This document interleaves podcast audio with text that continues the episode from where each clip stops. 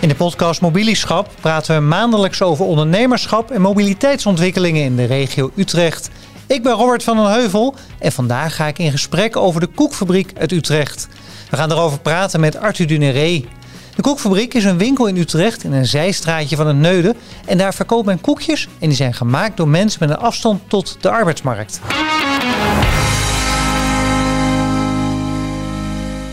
Arthur, eh, allereerst eh, welkom. Ja, dan zijn we bij de koekfabriek. We hebben net een mooie rondleiding gehad. Je bent van oorsprong altijd bakker geweest? Nee, nee ik ben eh, van oorsprong horecaondernemer. Oh, dus een beetje aan de andere kant. Maar hoe kom je dan op het idee om een bedrijf te beginnen met mensen met een afstand tot de arbeidsmarkt en koekjes te gaan maken?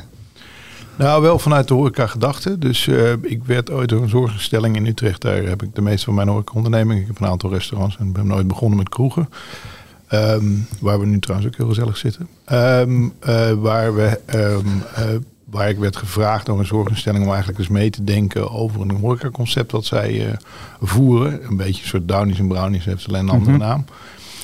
En nou ja, daar, ik, ik was eigenlijk toen 15 jaar horeca ondernemer en niet zo heel erg bezig met impact, sociaal domein of iets dergelijks. En toen, toen heb ik me daar wel via de Kamer van Koophandel voor laten uh, lenen om, uh, om daar eens over mee te denken. En uiteindelijk was eigenlijk de conclusie dat de zorg zich beter niet bezig kon houden met commerciële activiteit, aangezien ze hun winsten begrotings, uh, vooral verliezen, want ze maakten niet zoveel winst, hun verliezen begrotingstekorten noemden. Um, en ik dacht het daar eigenlijk bij te laten, maar toen schetste tot mijn grote verbazing, dus, uh, was de grote baas van die zorginstelling, die zei, daar heb je wel een punt. Maar zou je ons dan niet willen helpen om te kijken hoe we dat dan op een ander vlak of op een hoger vlak kunnen kijken? Nou, toen heb ik me daar wat in verdiept. Het was dus eerst bedoeld als een soort ondernemingsplan voor, voor, voor dit bedrijf. En uh, nou, vrij snel kwam ik erachter. Zij verzorgen vooral zorg, dus dagbesteding voor mensen met een aangeboren verstandelijke beperking. Voor jullie beeldvorming, nou, dat is bijna iedereen met een autisme. Wat dan een heel breed, breed spectrum is. Dat een voorbeeld van autisme is weer bijvoorbeeld mensen met een Down-syndroom. Maar dat is een relatief kleine groep daarvan. Uh, dat is een groep die vrij grote afstand tot de arbeidsmarkt heeft, dus eigenlijk altijd onder begeleiding moet werken. Uh, nou ja, goed, dan krijg je dus uiteindelijk dat je moet zorgen dat je in uh, dagbesteding niet van ik dagbesteding, dus het gaat om dat je ze overdag kunnen werken. Nou, dat is in de horeca vaak niet het geval, dus dat is best wel lastig. En waar kom je dan uit? Dan kom je bij koffieconceptachtige zaken uit, wat zeker toen al heel erg aan het uh, groeien was. Zeker in grote steden als Utrecht. En ja, toen al filosoferend kwamen we steeds verder met, uh, laten we dan misschien ook het product, wat normaal, hè, het hoofdproduct is de koffie en bijproduct de koek. En daar waar deze mensen ook nog wel als bijproduct worden gezien, gaan we dat als hoofdproduct maken. Dus toen wel, wel een hele mooie link. Dat je de mensen omschrijft af en toe als een soort bijproduct. Wat ze natuurlijk absoluut niet zijn. Nee, zo zie ik het ook niet. Maar zo worden ze wel gezien, ja. ja. Je omschrijft uh, al in jouw inleidingen, zeg je van... Goh, uh, het zijn mensen met een vorm van autisme. Is dat ook de specialisatie van de mensen die hier rondlopen? Of zijn er meerdere achtergronden? Nee, nee. Gaandeweg uh, kwam ik erachter. Hè, dus dit hele evolutieproces van nogmaals... Mijn intentie was in eerste instantie helemaal niet om me heel erg druk over te gaan maken.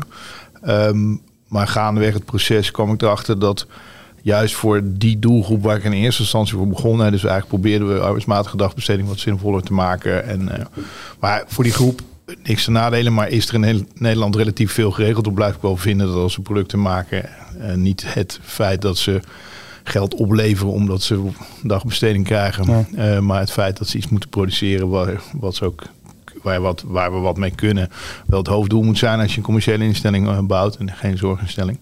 Ja, dat is het grote verschil. Hè? De koekfabriek is, nou ja, laat me even zeggen, een commerciële instelling. Ja. En als je dat vergelijkt met bijvoorbeeld een sociale werkplaats, ja, als die op nul uitkomen, is het lang goed.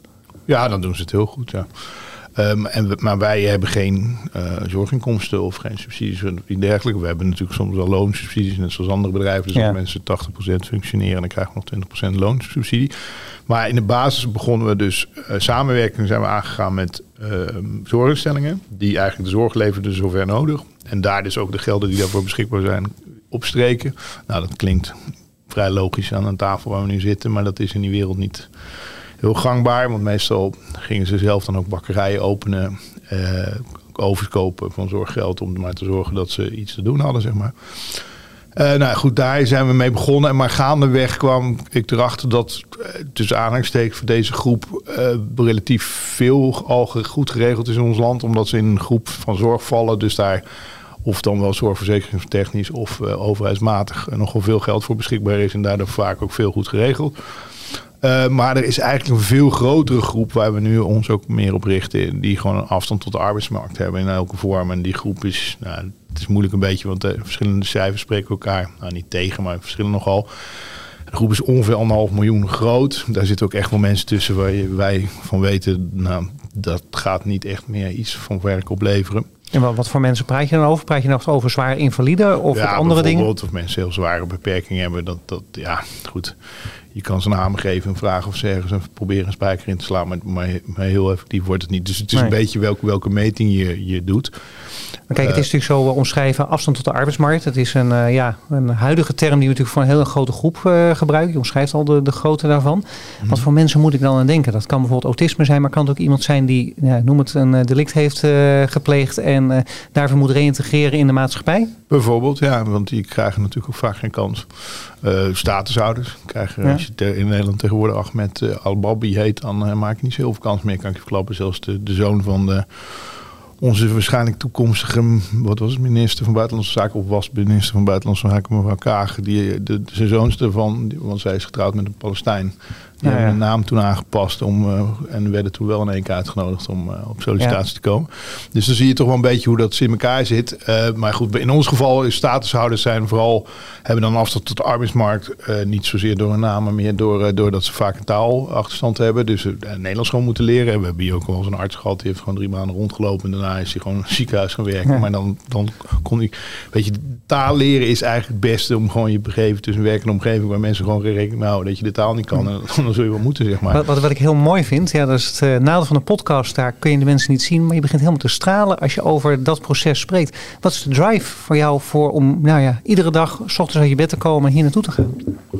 Nou ja, ik kom niet elke dag hier, moet ik ook even eerlijk zijn. Maar ik, ik, ik, na 15 jaar uh, ben ik inderdaad, word ik wel gelukkig van het feit. Kijk, ik snap ook wel dat ik al sinds 2013 dit niet doe vanwege de dividenden. Want we hebben nou, eenmaal onze winst niet stellen we grotendeels niet de beschikking van, van ons eigen winstoogmerk. Uh, we hebben wel de ambitie om winst te maken, want anders dan kunnen we niet bestaan. Uh, maar ja, goed, jullie hebben net zelf rondgelopen in een bakkerij met een belachelijk mutsje op, wat het heel geestig maakte. Maar uh, hey, als je ziet hoe, hoe blij die mensen zijn dat ze gewoon aan de gang zijn en bezig zijn in allerlei pluimage. Heel veel mensen die, die vergelijken dat toch altijd met nou ja, het Down-syndroom is heel herkenbaar, omdat mensen natuurlijk herkenbaar een beperking hebben. Maar ja, die, die groep is vele, vele malen groter. We hebben hier ook een open hiring gedaan. En dat is een samenwerking met Start Foundation.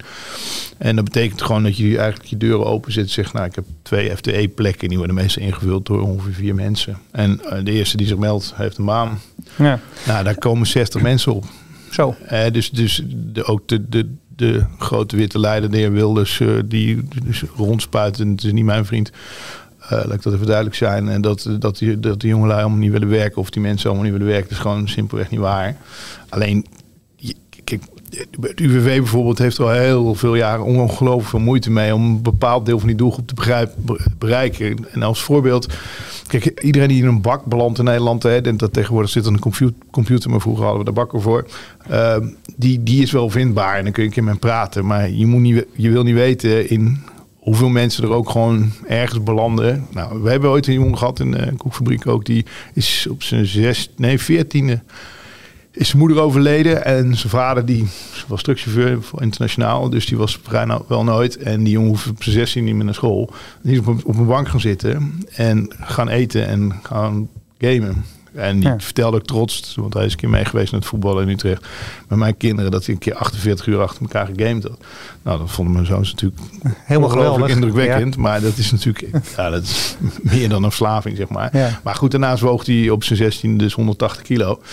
En kon niet meer normaal door een supermarkt manoeuvreren omdat hij zich bewoog alsof hij in, eh, in een spel zat, zeg maar. Ja. ja, die moet gewoon eerst even weer, want hij zat op VWO, dus er was niet zo heel veel aan de hand, maar die moet eerst weer even tot zichzelf komen, gewoon door werkritme te krijgen. En, en als je ziet hoe snel mensen daarin groeien, daar, daar over dat, ze, dat ik er zelf van ga shinen, ehm, kan, daar kan ik inderdaad wel van genieten. Dat je mensen gewoon hele grote stappen ziet maken. En dat kan soms ja, tegenwoordig hebben ze, hebben ze daar ook wel mooie sieren uh, spotjes van. En soms moet je gewoon eens een keer vragen aan iemand een interesse hebben van wat, wat, wat, wat houdt je eigen bezig. Ben je dan wel kritisch in je aanname? Nou, je geeft net zelf aan, uh, je had twee plekken en je hebt 60 aanmeldingen. Dat betekent dat je er 58 moet teleurstellen. Nee, maar ik stel niemand teleur, want gewoon de eerste beste die zich meldt heeft een baan.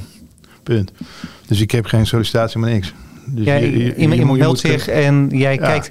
En ik kijk gewoon, ja, je, je, moet, je kan je deze dagen werken en kan je meer dan uh, acht, of kan je in ieder geval zes tot acht uur staan. Ja, nou prima, ga je gang. En zo uh, begin je bij de koekfabriek. Dan stroomt natuurlijk ook weer een deel uit. Ja, dit de... doen we in Wageningen. En, en die, daar is er, uh, stroomt inderdaad een deel van uit. Deze mensen komen ook gewoon op onze loonlijst. Hè? Want ja. dit zijn bijvoorbeeld die mensen die statushouders bijvoorbeeld die gewoon een, een afstand hebben door taalachterstand. Maar ook gewoon soms omdat ze gewoon geen kans meer krijgen en niet meer durven te solliciteren. Nou, die krijgen dan weer werkritme en, en hebben iets op hun cv staan natuurlijk. Hè? Dat ze ergens gewerkt hebben. Dat is natuurlijk altijd goed. Ja, als je dan even naar de koekfabriek zelf gaat. Wat voor een, nou ja, noem het, uh, concept heb je achter de koekfabriek zitten? Natuurlijk is jullie basis natuurlijk mensen met een afstand tot de arbeidsmarkt. Ja. Maar ja, uiteindelijk, uh, nou ja, je noemt het al, je bent een commercieel bedrijf. Dus er zal toch ook wel het een en ander uh, gedaan moeten worden om mensen naar de winkel te trekken, naar buiten te gaan. Waar staat de koekfabriek voor?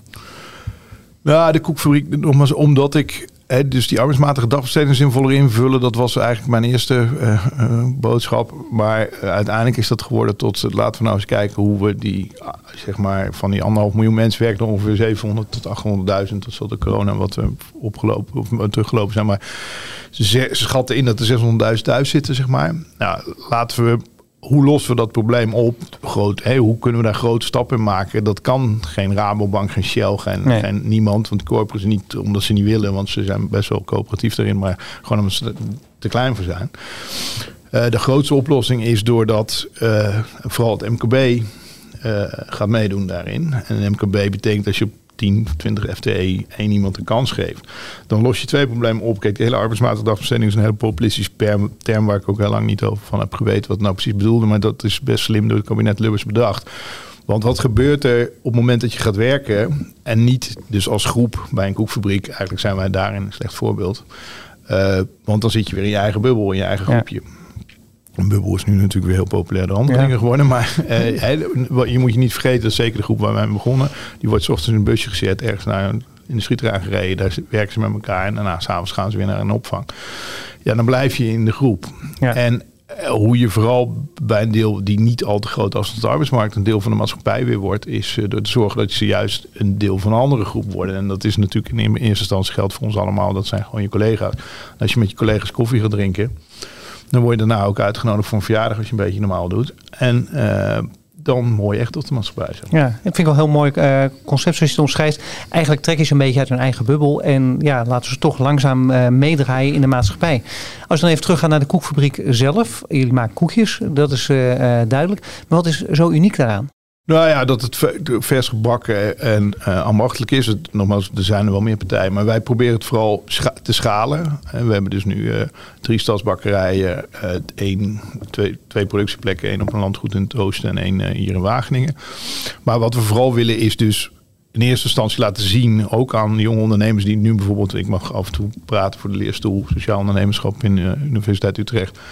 Um, dat de jonge ondernemers die van, uh, van, van de universiteit afkomen, of van de academie afkomen, of van, van MBO afkomen, maakt niet uit, maar van school afkomen. Um, en een bedrijf willen starten, uh, laten zien dat je makkelijk een impactbedrijf kan beginnen en die ook winst kan maken. Dus één, twee. MKB'ers laten zien, maar we zijn uiteindelijk een MKB-bedrijf dat hè, met de boodschap, neem, geef ze nou een kans, maar ook de zorg die dat moet begeleiden, meegeven van, weet je, als je iemand twee uur laat bij Munstad laat zitten om gaan uitleggen dat één iemand met een arm en accu niet kan tillen, dan is die man bij Munstad ook klaar mee om naar te ja. luisteren. Dus dan, dan gaat het een nieuwe worden, zeg maar. Dus je, moet het hoe, dan hoe, hoe doe je dat, die mensen begeleiden? Want uh, nou ja, je geeft net het voorbeeld aan van een accu. Dat is toch, uh, ik bedoel, uh, ja, we zijn allemaal mensen en mensen zeggen, goh, ja, je kan het of je kan het niet. En jij geeft die mensen wel de kans. Uiteindelijk, ze komen hier misschien bleu binnen. Ze zijn geen bakker. Nee. Maar ze moeten wel mee in het proces draaien. Ja, dus, dus ik vind wat, dat je van twee kanten daar. Hè, dus de, de MKB, maar ook gaan het proces dat ik hiermee bezig ben, is het niet zo dat MKB daar niet voor open staat. Alleen ze verwar, komen vaak in een warm boel van allemaal ja. regels. Die, waar ze ook helemaal niet. Weet je, als iemand gewoon produceert, oftewel gewoon doet wat je aan hem vraagt, dan zitten de meeste werkgevers ook helemaal niet te wachten op iemand. 20% loonsubsidie, weet je. Alleen maar, hoe, begeleid je die mensen hier dan? Nou ja, hier hebben we daar dus een zorginstelling voor, omdat deel natuurlijk uit een zorgtraject zitten. En normaal is, heet dat dan jobcoach. Dat vind ik ook al een dat beetje wel zwaar. Ja, ja, nou ja, goed. En, en wat, wat een betere is, dat heeft ook die uh, Open Haar en die Start Foundation bedacht. Dat heet uh, life coaches. Dat klinkt dan misschien nog ingewikkelder, maar de, de gedachte erachter is nog wel goed. Is dat je kan de werkgever, jobcoach duidt echt heel erg dat jij als werkgever maar rekening mee te hebben hoe je met je, met je werknemer. Nou, dat doen niet zo heel veel werkgevers, dat doe je wel. Maar je vraagt gewoon, dit is het werk. En als je ja. dat niet kan, dan is het jouw probleem, zeg maar. Want dan moet je niet komen werken.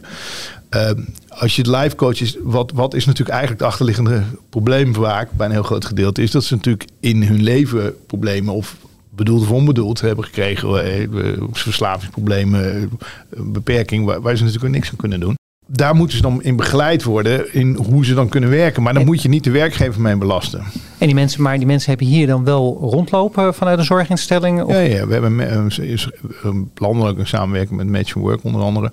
Uh, die daar heel goed in werkt. Dat zijn twee dames die komen van de Color Kitchen en die begeleiden. Maar die doen het vooral vanuit een zorgoptiek. Maar omdat zij vaak gemengde groepen hebben. Dus ook mensen uit bijvoorbeeld die een Slavische achtergrond hebben. Die minder geld meenemen zoals ze in de zorg zeggen. Maar dus, dus minder budget is om, om ze te begeleiden. Maar ja, als je dan iemand hebt die een wat zwaardere beperking heeft. Die misschien minder kan werken maar wel uh, een zwaarder budget heeft omdat hij nou meer begeleiding nodig heeft, dan mengen ze dat, waardoor het uiteindelijk betaalbaar wordt. En omdat ze een hele kleine overheid hebben ja. en niet een hele grote zorginstelling. De zorginstelling waar ik in het begin over sprak, die hebben een begroting van 100 miljoen per jaar, waarvan 60 miljoen overheid gaat. Ja. Dus dan weet je al wat voor organisaties. Maar goed, als ik het uh, mooi zo begrijp, eh, mensen worden hier wel in de groep opgenomen. Ze kunnen gaan werken. Er is een, ja, een zinvolle dagbesteding. En zo wordt er ook nog een keer bij uh, gecoacht door, nou ja, zoals je omschrijft, uh, zelf de life coaches. Ja. Ja, eh, ik zat toen ik hier net aankwam, zag ik hem al staan. Het Koekblik, jullie autopark. ik vond dat een heel leuk linkje daarin. maar ja, mijn collega Amanda, die stond dan hier te trappelen voor de deur. Ze is al gelijk naar, naar het productieproces gegaan. En heeft daar een mooie rondleiding gekregen. Aan het eind van haar rondtour kwam zijn collega Bart tegen. En ja, Bart heeft ook een afstand tot de arbeidsmarkt. Maar hij bestuurde al wel jaren een auto. En hij bezorgt altijd de koekjes. Natuurlijk wilden ze eventjes weten of de koekjes goed vervoerd worden. Van autorijden worden we allemaal vrolijk. Dit is het happy auto moment van... Bart van Rode. Nou, hey Bart, leuk dat we hier met jou mogen spreken. We zijn hier bij de koekfabriek. Uh, kun jij je misschien even voorstellen?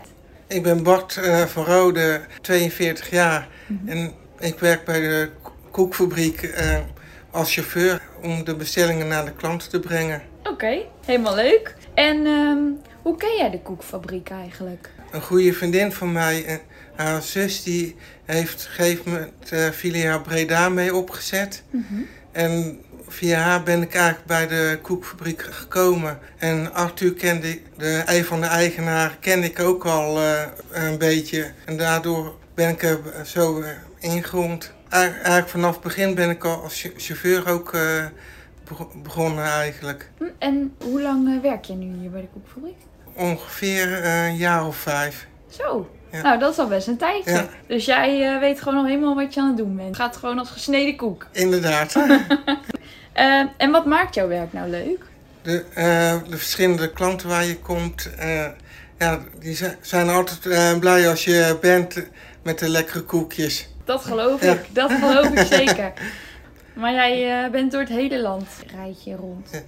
Ja, bij het begin, begin heb ik zelfs een keer naar Friesland gemoeten.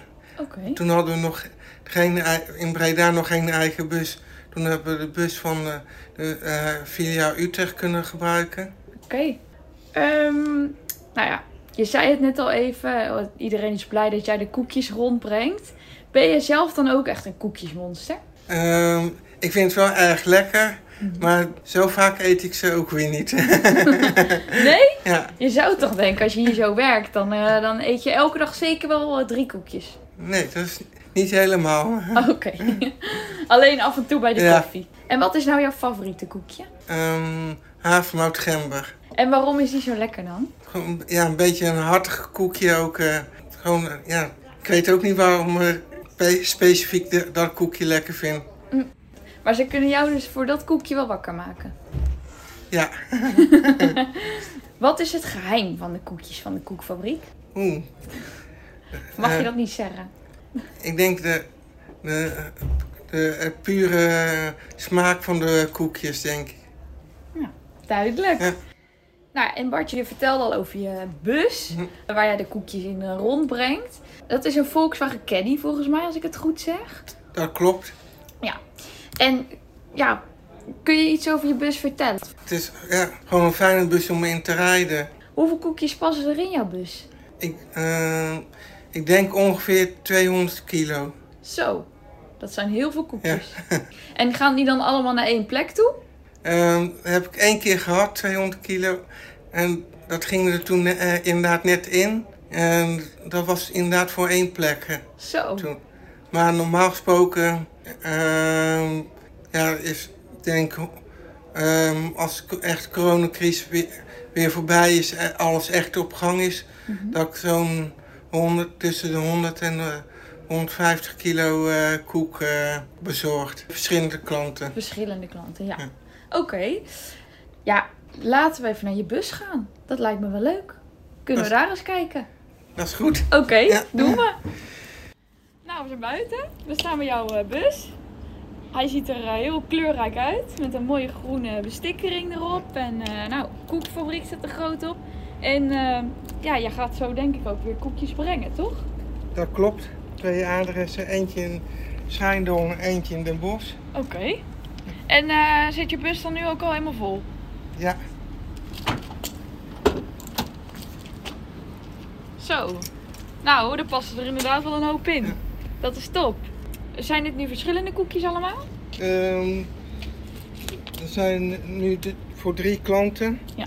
En dan nog eh, voor morgen verpakkingsmateriaal en Oh ja. verpakte koekjes voor eh filiaal Rotterdam. Oh, oké. Dus jij brengt ook nog spullen van filiaal naar filiaal Ja. af en toe. Ja. Ja. Nou, Bart, ik durf bijna eigenlijk niet te vragen, maar eh, mogen we nog even proeven? Tuurlijk. Ja? Nou, dat is mooi. Gaan we jouw favoriet proeven, hè? Oké, Wat was dat ook alweer? havermout gember. Ja, nou. Gaan we even een hap nemen. Mm. Ja. Ik snap wel waarom je deze nou zo lekker vindt. Ja. Ja, echt. Je proeft ook goed die gember. Ja. Ja. Nou, lekker. En ehm, doet die toeter het eigenlijk? Ja, Zullen we eens even kijken? dat is goed. Nou, bedankt. Eh, nou, ik hoor hem hoor. Hij doet het. Hey Bart, super bedankt voor het gesprek.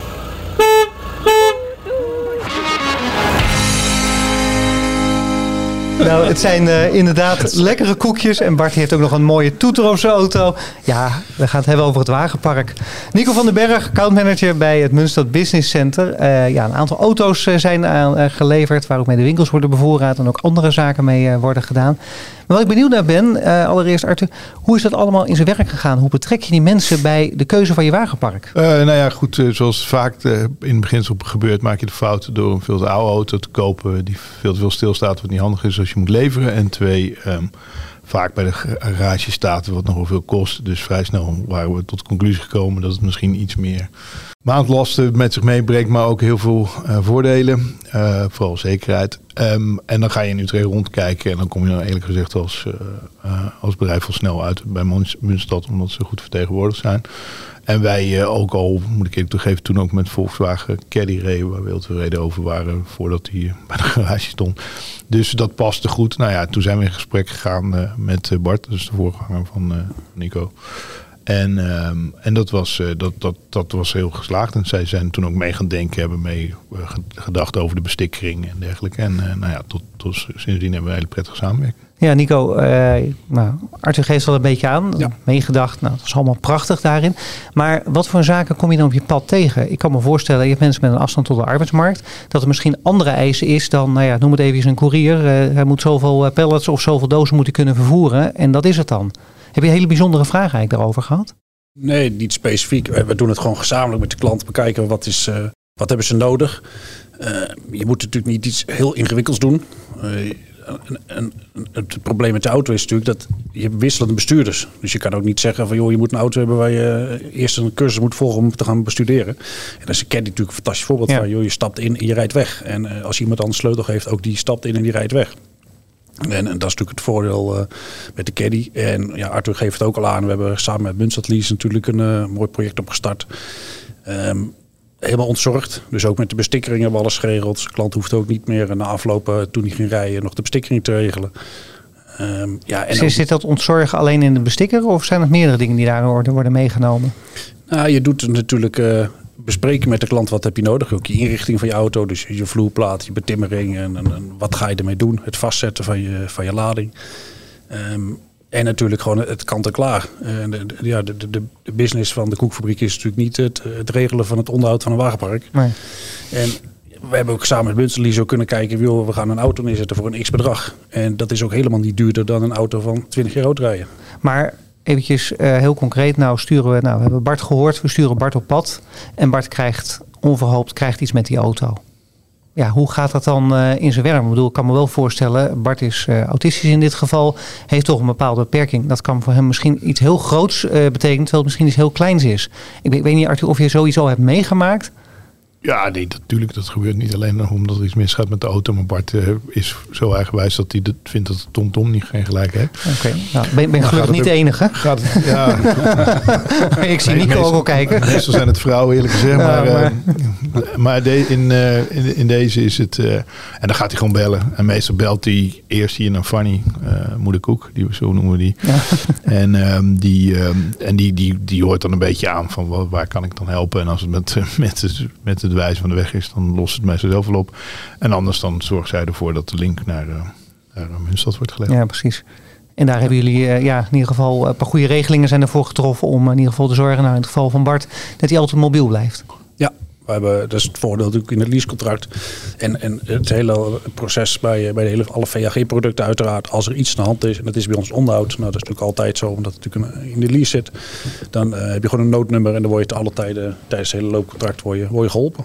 Ja, nou, dat is in ieder geval een mooie, mooie oplossing. Maar wat ik nog eventjes wilde weten, nou, we hadden het net al over het selectieproces. Uh, neem jij daar ook jouw chauffeurs in mee? Stel bijvoorbeeld, nou, je gaat kijken naar een andere bus of een andere auto uh, daarin. Zeg je ook tegen die jongens van, goh, nou Nico, kom eens eventjes hier met een caddy en dan kom even met een transporter om even als voorbeeld te geven.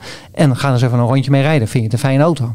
Nee, eerlijk gezegd tot nu toe niet. Misschien zullen we dat, maar goed, we hebben ook niet zo'n wagenpark weer dat dat tot nu toe. Maar we hebben vooral een keuze gemaakt en hebben we ons laten leiden. Dan is dat in deze van, ja, we hebben inderdaad een, een bus nodig of een caddy waar zoveel mogelijk mensen bij zo, zo, min, eh, zo ingewikkeld niet zo ingewikkeld mogelijk mee kunnen rijden, wat ik ja. al aangaf. En daar hebben ze dat, dat is tot nu toe heel succesvol gebleken. Dus we, wij, ja, weet je, ik denk als je tien mensen gaat vragen, krijg je tien meningen, dan wordt het heel ingewikkeld. Um, en in deze werkt dit heel goed. Dat is, voor jullie de situatie. Ja, gaan we nog even terug naar uh, de business. We hebben het over ondernemerschap, over de koekfabriek hebben we het al uitgebreid uh, gehad. Maar ja, blikken terug, anderhalf jaar corona hebben we erop zitten. Jullie hebben ook te maken met winkelsluitingen. Uh, dat hier in één keer mensen anderhalve meter afstand moeten gaan houden. Heeft natuurlijk heel veel impact gehad op nou, daadwerkelijk de business. Dat hebben natuurlijk ieder, iedereen heeft dat kunnen merken. Maar in een bedrijf als dit lijkt me dit nog veel groter impact hebben. Want ja, je moet het mensen toch op een wat andere manier uitleggen. Sommigen zullen het via tv gezien hebben, sommigen niet. Hoe zijn jullie daarmee omgegaan? Ja, ja inderdaad. We hadden aan de commerciële kant de dikke pech dat we hadden ingezet op horeca en uh, op bedrijfskatering. Vooral ja. om, om ons merk te bouwen, zoals dat heet. Hè. En niet voor de retail. Nou, die keuze bleek achteraf uh, niet heel handig te zijn, want alles ging dicht waar wij uh, aan leefden. En de retail die kreeg natuurlijk hoogtijdagen de andere kant, eh, dus waar we het voor doen, voor de arbeidsparticipatie en inclusie, dus de, doelgroep waar we mee werken, heeft als nadeel dat ze inderdaad, niet allemaal natuurlijk, maar de, een deel nog sneller onder invloed is van dreigementen of uh, van een dreiging van dit soort epidemieën en dergelijke. Maar sommigen zitten ook in instellingen die gewoon zeggen van ga sluiten de deuren en je, komt er niet meer uit.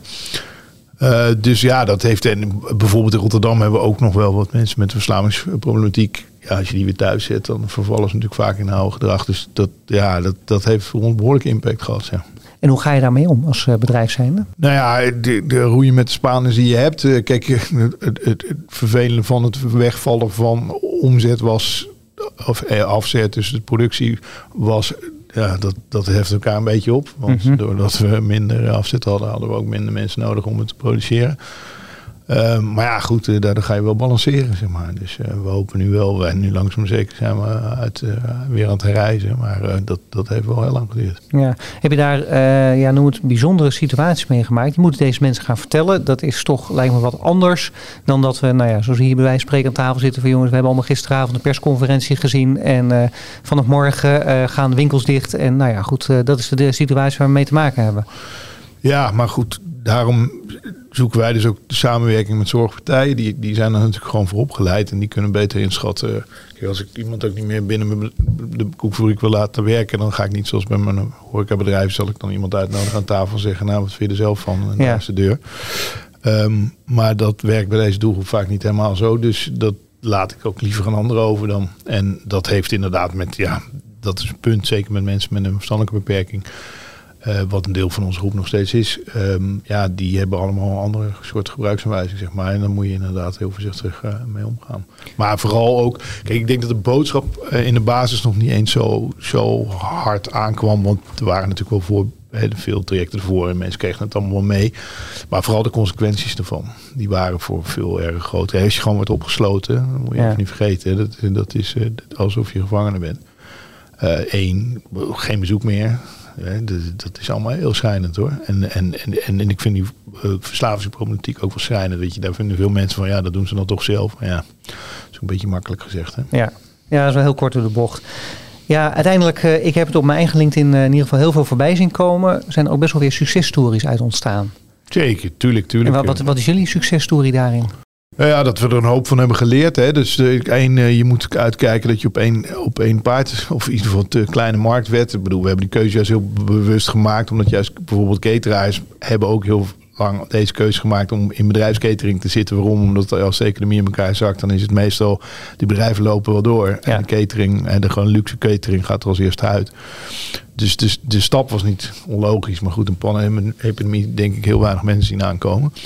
Um, maar goed, ja, never waste a good crisis, zoals altijd. Dus uh, het biedt natuurlijk ook wel weer kansen. Maar wat voor kansen hebben jullie bijvoorbeeld gepakt? Dat je zegt van nou goed, we leveren daar heel veel aan horeca, aan uh, cateraars. Nou, dat werd natuurlijk al ja, minder. Dus we zijn al sneller dan we in het begin zo hadden gepland uh, gestart met ook andere kanalen aan te boren. Kijk, ons hele idee is dat we een bepaalde productiecapaciteit hebben waar we 250, 300 mensen kunnen laten werken en een bepaalde hoeveelheid koek in, in, in, in euro's kunnen bakken en verkopen. En als we daar zijn, dan willen we eigenlijk gewoon doorgroeien in meer naar voorbeeld van Tony Chocoloni ook uh, een, een, een, sales- en marketingbedrijf. Dus wat minder sexy om te vertellen, maar daardoor wordt je boodschap wel veel duidelijker. Kijk, sinds dat Tony's 60 miljoen omzet, is Nestlé in één keer ook andere bonen aan het inkopen. Ja, ja dat, dat, is een heel mooie, mooie link daarin. Maar uh, je noemt niet andere kanalen. Uh, moet ik me voorstellen dat je inderdaad toch uh, winkels hebben jullie natuurlijk onder andere op het Neuden. Was dat iets wat je zegt, goh, dat zijn we verder gaan uitbreiden? Nee, nee, nee. De retail hebben nog steeds, nog steeds, we hebben nog steeds overtuigd dat we het merk ergens anders moeten bouwen. Maar wat we wel zeggen doen, we waren erg zelf aan het zoeken en aan het groeien in het sales, in onze eigen salesorgaan. Nou, die werd natuurlijk erg snel erg voortdurend. Dat is natuurlijk eh, erg voor de kosten voor de ja. En, en, en die jongens, met alle goede bedoelingen, maar die konden ook nergens meer heen, want onze klanten waren gesloten. Uh, dus we zijn ons gaan inzetten op resale kanalen, zeg maar. Hè. Dus de, de Pezen, Mokador, uh, maar en dus Bitfoods, Sligro's. Die, dus eigenlijk de, degene die, waar je dan een stukje marge in moet leveren, maar mm -hmm. waar die het eigenlijk voor jou verkopen. Foods is daar een groot voorbeeld van. En die leveren aan alle delicatessenwinkels. En um, uh, 2500 delicatessenwinkels, maar dan ga je dus mee in hun assortiment. Uh, ja, en dan wordt je salesorgaan in principe door hun natuurlijk gedragen. Maar goed, nou ja. je hebt wel een stukje garantie van bepaalde omzetten. Ja, ja, vaak. Ja, en je hebt wel een andere handel. En je zit in, de, in dit geval zit een delicatessenkanaal bijvoorbeeld, wat natuurlijk wel een wat luxe kanaal is. Maar vooral, ja, je, je, je creëert inderdaad toch wel weer afzet. Dus daarmee hebben we uiteindelijk alles. We hadden natuurlijk wel. Hè, onze productie lag wat lager, dus we hoefden ook wat minder te verkopen. We hebben onze kosten natuurlijk goed gestructureerd en soms gesaneerd. Maar dat is vooral bij onze eigen organisatie, deel van ja. de organisatie. En uh, nou ja, ik denk dat we daar sterker uit zijn gekomen. Je gaf net al eventjes het voorbeeld van uh, Tony Chocoloni. Mag ik dat uh, neerzetten als een stip op de horizon? Ja, ja. Kijk, in, in veel dingen zijn ze een voor, voorbeeld. Hè. De dame die ooit uh, voor het manifest heeft geschreven, heeft dat ook gelukkig voor ons geschreven. Hè. Dus dat is, maar dat is meer een intern stuk waarin we met z'n met allen vasthouden. Ik denk wel dat wij proberen als groot verschil dat we het eerst echt zelf doen. Uh, maar goed, dat is ook omdat we een andere impact uh, doelstelling hebben.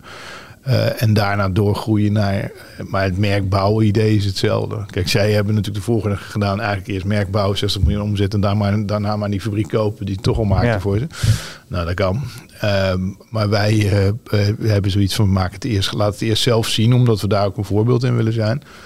Laten zien dat je ook met deze doelgroep prima een bedrijf kan maken en kan. Want dan ben je denk ik wel geloofwaardig. En dat, dat is niet om tonisch af te vallen, maar ze, nee. hebben, nogmaals, ze hebben gewoon een andere doelstellingen. Ja. En als ik dan kijk over vier, vijf jaar, heb je dan meer winkels? Heb je dan meer uh, aangesloten op noem het het horecakanaal? Waar, waar zit voor jullie met name de groei? Nou ja, we hebben dus nu gezegd, een beetje de corona beïnvloed. We hadden 150, dus ik denk nu 120 man. Zelf rondlopen aan, aan mensen ook met afstand tot de arbeidsmarkt. Die willen we dus nog verdubbelen. Nou, dan zullen er wel een paar winkels bij moeten. Die winkels zullen we dus deels gebruiken voor de arbeidsmatige doelstellingen, maar ook deels om uh, ons concept uit te dragen. Dus als concept store, wat Nespresso ook doet. Dat je ook laat zien midden in de stad dat hetgene wat je zegt, dat je dat ook doet. Uh, dus niet dat je streeft nee. naar uh, arbeidsparticipatie, cacaovrije wonen, ja. slavenvrij wonen. Maar um, dat je het ook echt doet. Ja, nou, ik vind het een hele mooie conclusie. Ja, dank je. Daar, daar uh, ja, is een heel mooi uitgangspunt. En nou, jullie hebben al heel wat stappen daarin gemaakt. En ja, ik blijf jullie daar uh, zeker in volgen. Ja, ik zie het hier al op tafel staan, de koekjes, dus uh, die lonken. We gaan er maar eens aan beginnen. Arthur en Nico, dank jullie wel. Ik dank hem. Graag gedaan. In deze podcast heb ik meer geleerd over hoe je een bedrijf runt met mensen met een afstand tot de arbeidsmarkt. En wat voor een impact je daarmee kan maken. Bovendien hebben we een mooi beeld gekregen van de koekblikken. En dat is dan het wagenpark van de koekfabriek. Wil je nou meer weten over mobiliteit? Kijk dan op de website munstad.nl slash zakelijk.